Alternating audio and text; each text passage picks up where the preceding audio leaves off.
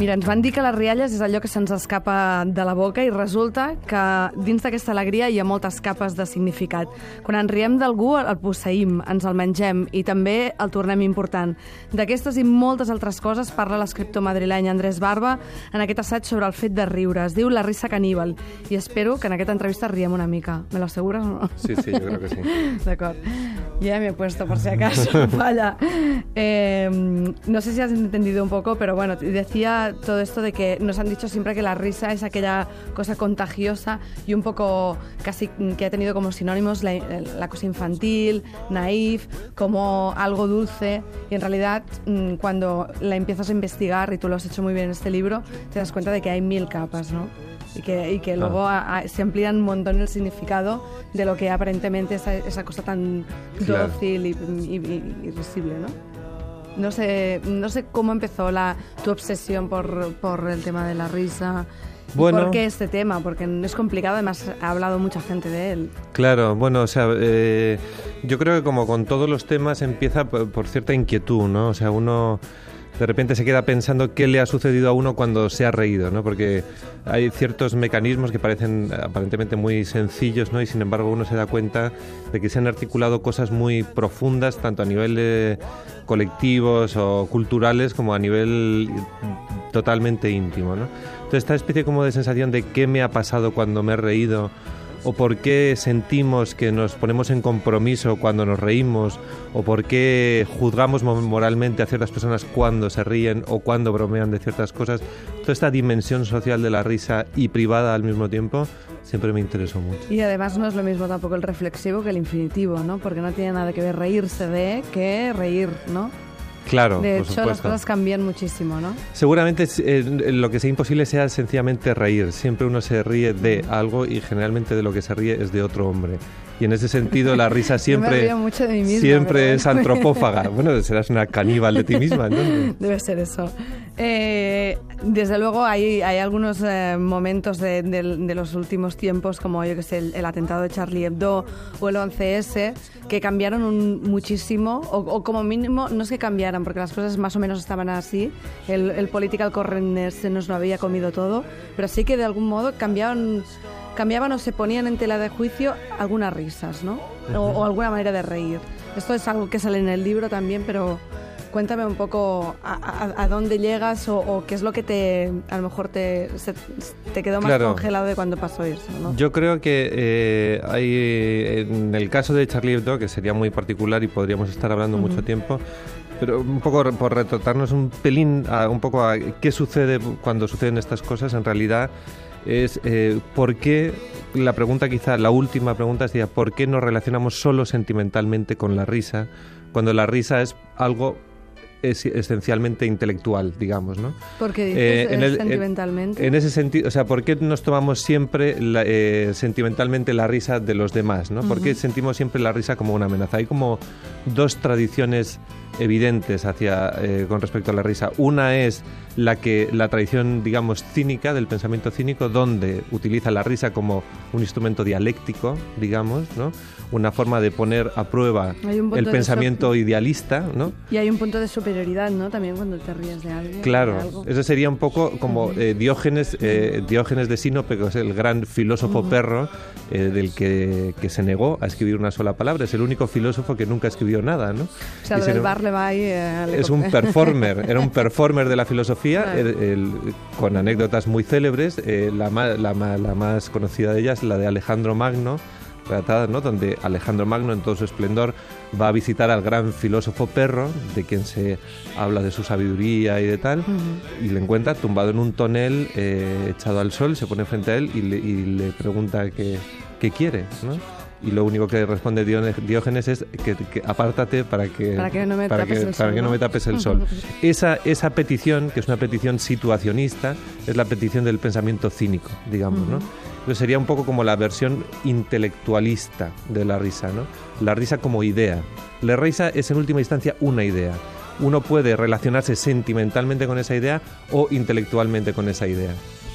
¿Y la segunda, entonces? La segunda sería, evidentemente, la sentimental, ¿no? La aproximación sentimental, donde, evidentemente, toda risa es, eh, es una posible ofensa. Y según tú, es lo que ha pasado en los casos de Charlie Hebdo o 11S, etcétera, ¿no? Claro, en el caso de Charlie Hebdo es un poco distinto. Bueno, es el, tema de la risa de la religión, que es un tema muy amplio, donde que además es uno de los capítulos Porque esenciales. no es lo mismo, en el libro de cuentas, no es lo mismo reírse de Dios que reírse del feligrés, ¿no? De, del seguidor de la religión.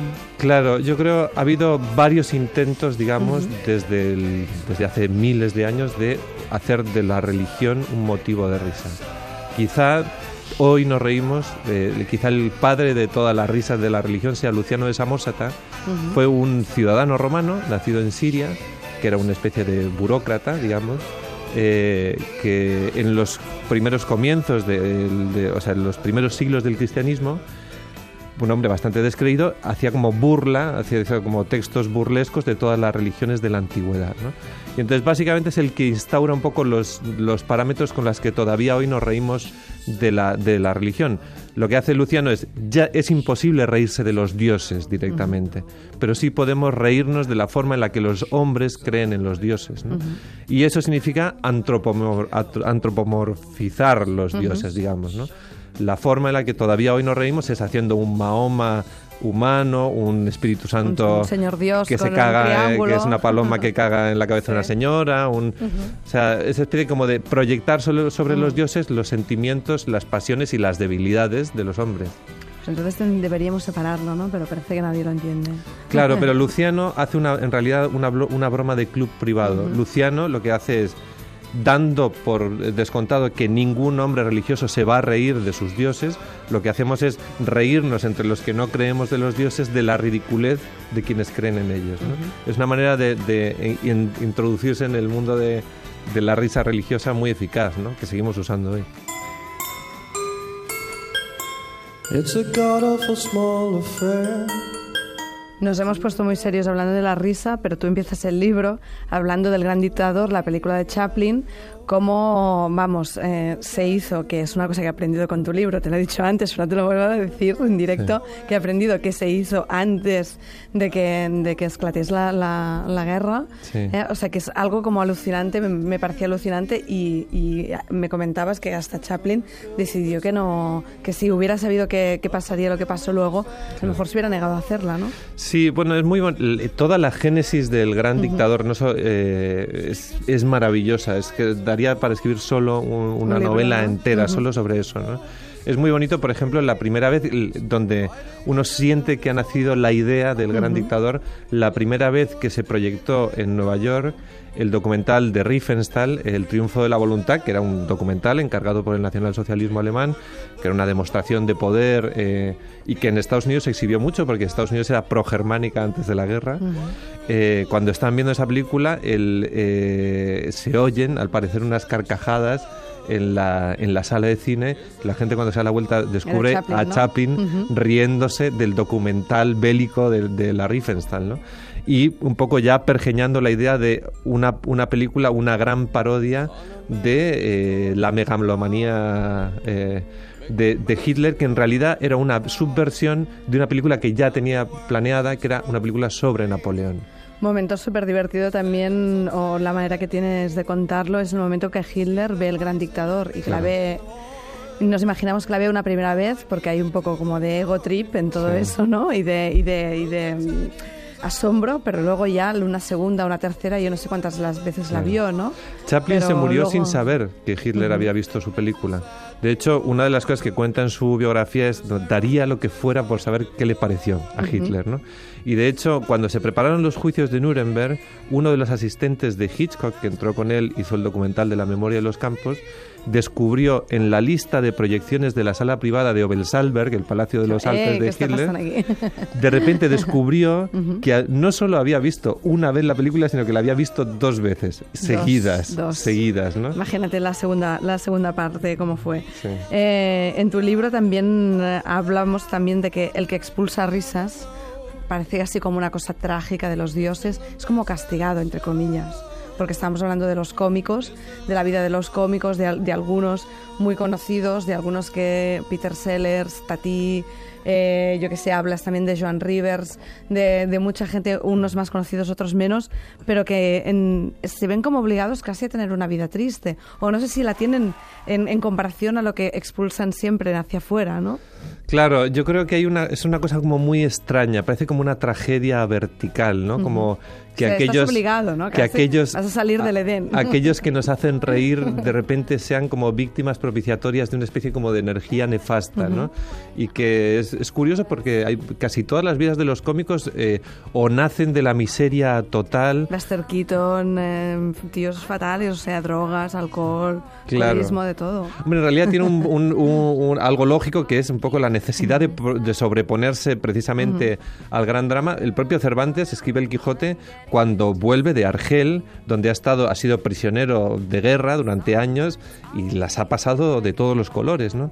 En el fondo necesitamos la risa para sobrevivir, ¿no? Cuanto más eh, radical eh, y es- espantosa es una experiencia, más necesidad tenemos de sobreponernos y sobrevivir gracias con la risa, ¿no? Luego también eh, hablar, por ejemplo, en este libro, el sexo, que es algo eh, mitificado, cosificado, etcétera, pero que también, en- tú hablas de la película Garganta Profunda también como una brecha, ¿no? Para la risa. Sí, bueno, Garganta Profunda, o sea, hay, hay un punto donde en los años 70, cuando se legaliza la pornografía en Estados Unidos, hay como una especie de, de extraña situación, ¿no? Donde por fin se ha legalizado la, la imagen pornográfica, pero por otro lado, la asistencia solo se podía hacer colectivamente y públicamente, digamos, ¿no? En unas salas que incomodaban bastante el visionado de esas mismas imágenes, ¿no? Entonces, Garganta Profunda yo creo que fue como una especie como de cuadratura del círculo. Fue la comedia que posibilitó que la gente acudiera colectivamente a ver una imagen que implicaba una intimidad eh, total, digamos, ¿no? Fue como la comedia apropiada en el momento justo, ¿no? Y aparte, la, la película más rentable de toda la historia del cine, eh, comer- eh, comercial o no. eh, Ahora ya no se lo costó, tanto. eh, costó aproximadamente unos 15 mil dólares y aunque, claro, fue financiada por una familia de la mafia, y, pero aproximadamente se calcula que los beneficios han sido de 400 millones de dólares. a Pero la gente no la miraba para reírse, ¿no? La gente sí, curiosamente, yo creo que lo que se produjo fue una especie de precisamente de, de- de- de terapia de grupo, ¿no? Colectiva, Don- sí. Porque además la película como contenía todas las características de, la- de la como los puntos de fuga de una mente norteamericana de los años 70, ¿no?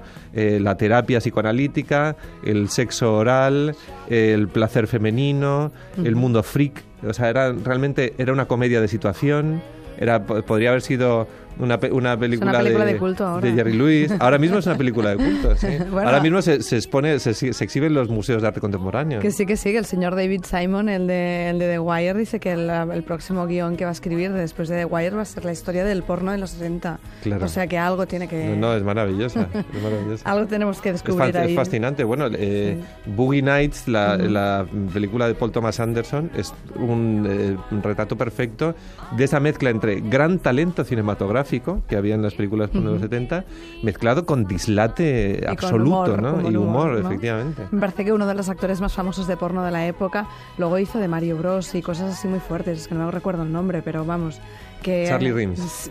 No lo sé, no, ¿No? lo sé. En mi cultura en este tema está un poco perdida. Sí. Eh, bueno, pues muchísimas gracias Andrés Barba. Nosotros nos hemos reído también con este libro y contigo. Y ya sabemos, ya lo saben los oyentes, quien ríe el último ríe el mejor. Así que leeroslo para no ser el último como mínimo. Muchísimas gracias. Hasta A ti. pronto.